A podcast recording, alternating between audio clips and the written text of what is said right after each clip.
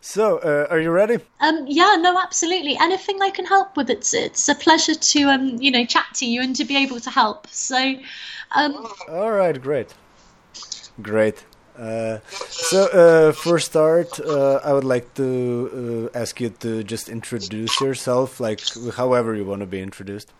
Um, oh, thank you. No, that's great. So I'm Dr. Becky Alexis Martin, and I'm a senior research fellow um, in nuclear geographies at the University of Southampton. And um, my research kind of covers the um, nuclear Anthropocene, so the cultural and social effects of nuclear weapons um, from the first Trinity tests to the consequences in the present day. So, um, is that is that good? Yeah, that's great. That's great. Thank you.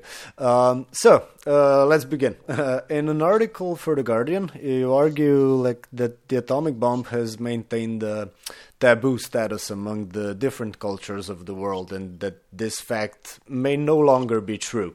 Uh, that the structure of this taboo has somehow crumbled over the seventy odd years since the dropping of uh, Fat Man and Little Boy. Uh, and I'd like to ask you, although I've am fully aware that uh, uh, the annoyance you might feel having to summarize uh, an already congested article, content wise, uh, to briefly describe uh, the process of this uh, tabooization and the recent detabooization of the atomic bomb.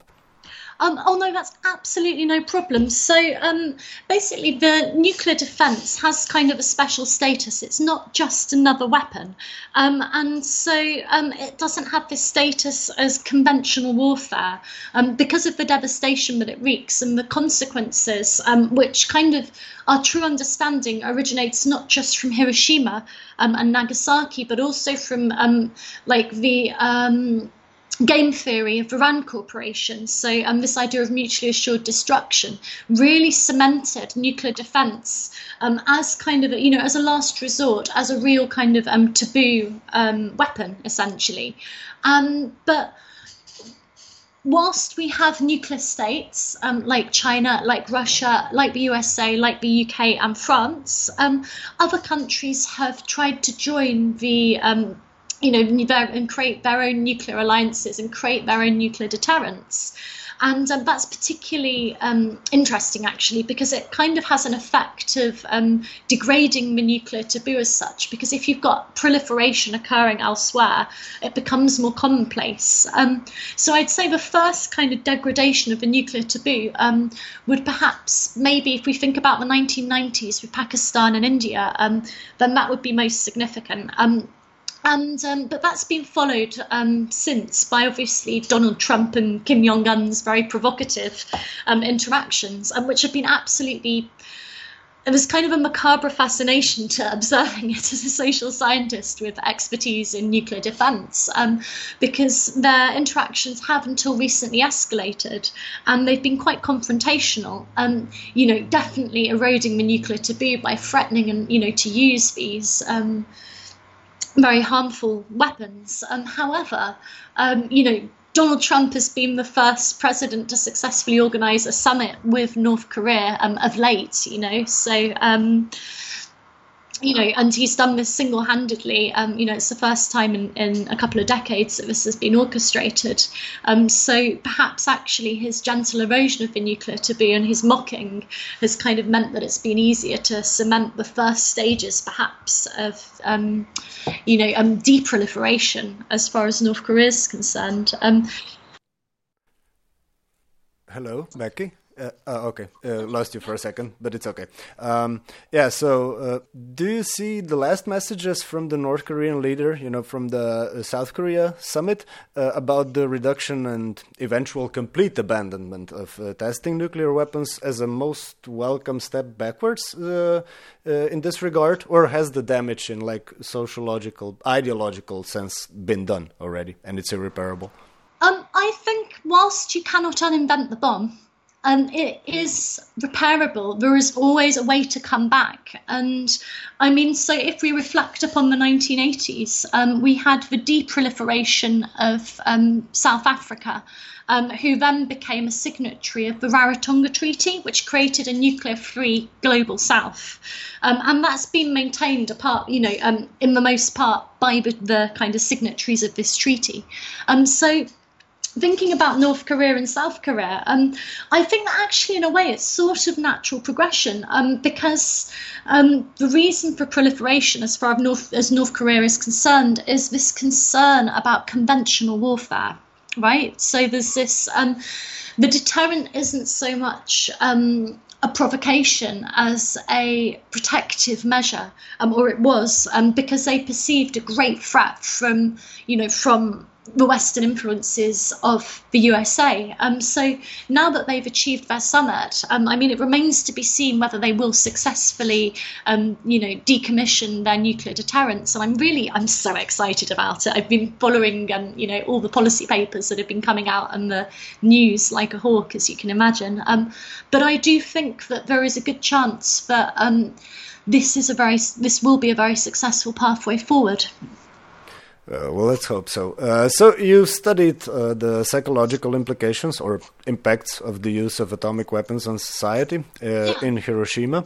Uh, and can you give us, uh, I don't know, a telling example of the Hiroshima survivors' relationship with that historic event and also their perceptions of maybe nuclear weapons today, if that's also what you studied?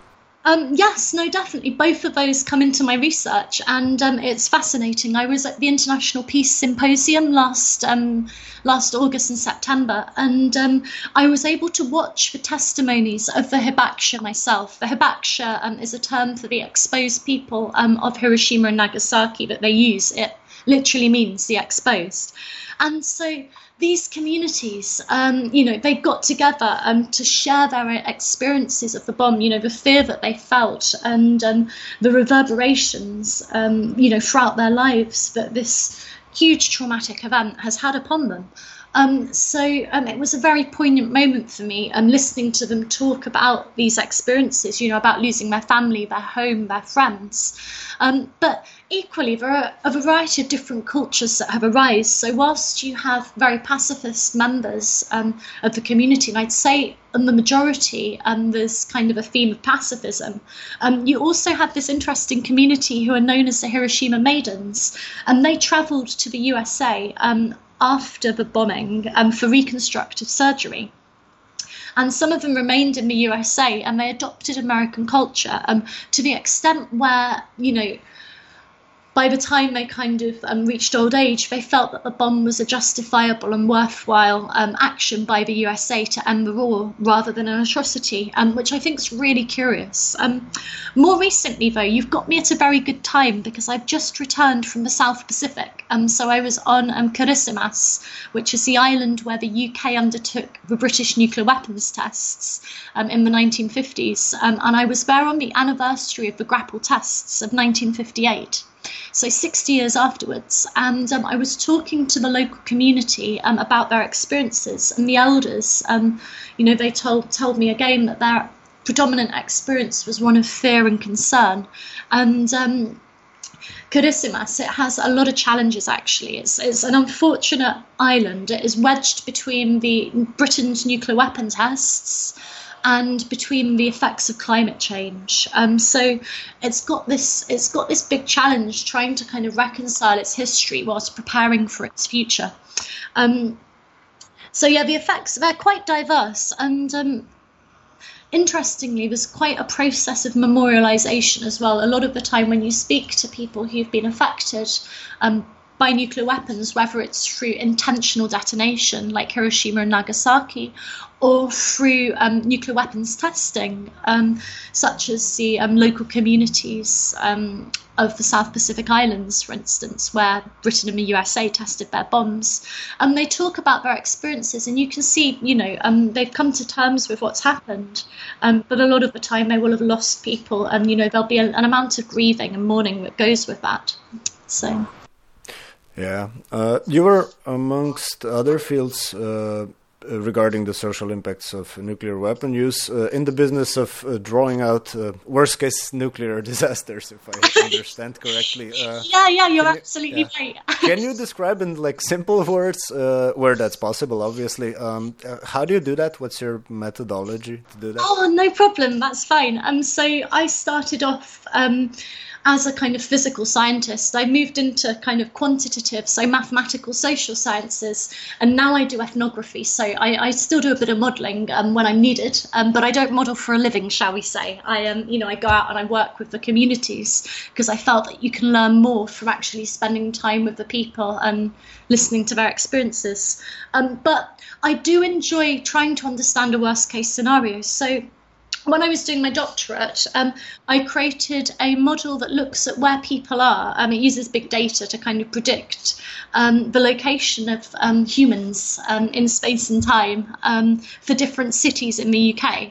on the basis that different types of people are affected in different ways to radiation. So, if you have a large scale incident, you need to know who's who to prioritize, and you need to know where they are. Um, so I was my model was mostly kind of gender and age based. So I, I categorized my population into male and female. I broke them up into seven age classifications, um, and um, then I categorized them on the basis of vulnerability. So. For instance, children are more susceptible to the effects of ionizing radiation. Um, and so, if they have a thyroid exposure, um, then it means that they may, you know, they've got a higher likelihood, which doesn't mean they're necessarily going to develop thyroid cancer, but they're more likely to. And we know this from scenarios such as Chernobyl, um, where there are over 5,000 excess cases of thyroid cancer after the in children, and it's a very survivable condition, I should add, um, after the accident. So. What I worked with basically was looking at populations and looking at risk and trying to understand um, for different we use a thing called numerical weather prediction. Um, so you can kind of model the plume and the dispersal of a um, of a nuclear accident, let's say, or a nuclear weapon, and um, you can understand, you know, what it means and kind of who might be affected if you understand the underlying population. Um, but the other thing I was very interested in was how do people behave during emergencies. So I linked that into an agent-based model to kind of look at and behavioural traits and look at how that would affect vulnerability. Um, so it's quite easy if you know how to use numerical um, weather prediction and it's quite good fun to um, well i say good fun if you're in my line of work it's quite good fun it's quite interesting um, to um, be able to look at kind of the larger scale scenarios so um, looking at things and taking into account um, you know other risks such as climate change and nuclear defence or you know the risk of nuclear accident or the risk of fallout. Um, so um, when I was modelling, um, one of the things I've worked on is looking, trying to identify, and it was um, it was kind of a philosophical experiment as much as a scientific one because we wanted um, me and Tom to try and identify, um, you know, where was potentially most at risk and what it means to be at risk in this world right now, you know, um, with the current nuclear um, loads that various countries have. Um, so we looked at the different um, potential, you know, possibilities for deterrence, and we essentially used kind of statistics, mathematics, modelling um, to identify. Um, both where your radiation would go, how it would travel through the atmosphere, but also you know, based upon which countries were most likely. So, as a geopolitical ranking, um, to kind of give you an idea as to who was most likely to fight with who. Um, so, um, so we obliterated the UK.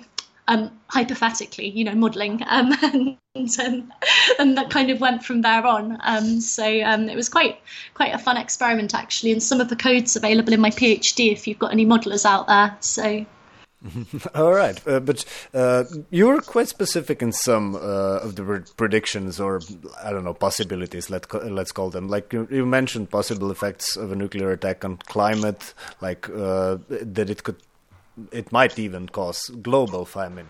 oh yeah, definitely. Um, how, what is that prediction based on?